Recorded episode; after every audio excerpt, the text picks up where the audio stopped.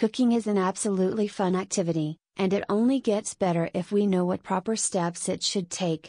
There are fewer healthy food recipes that are easy to cook, which when worked on can help you a lot in the case of helping one's hobby or cooking activity.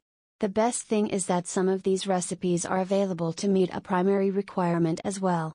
For more information, please visit www.tweenod.me.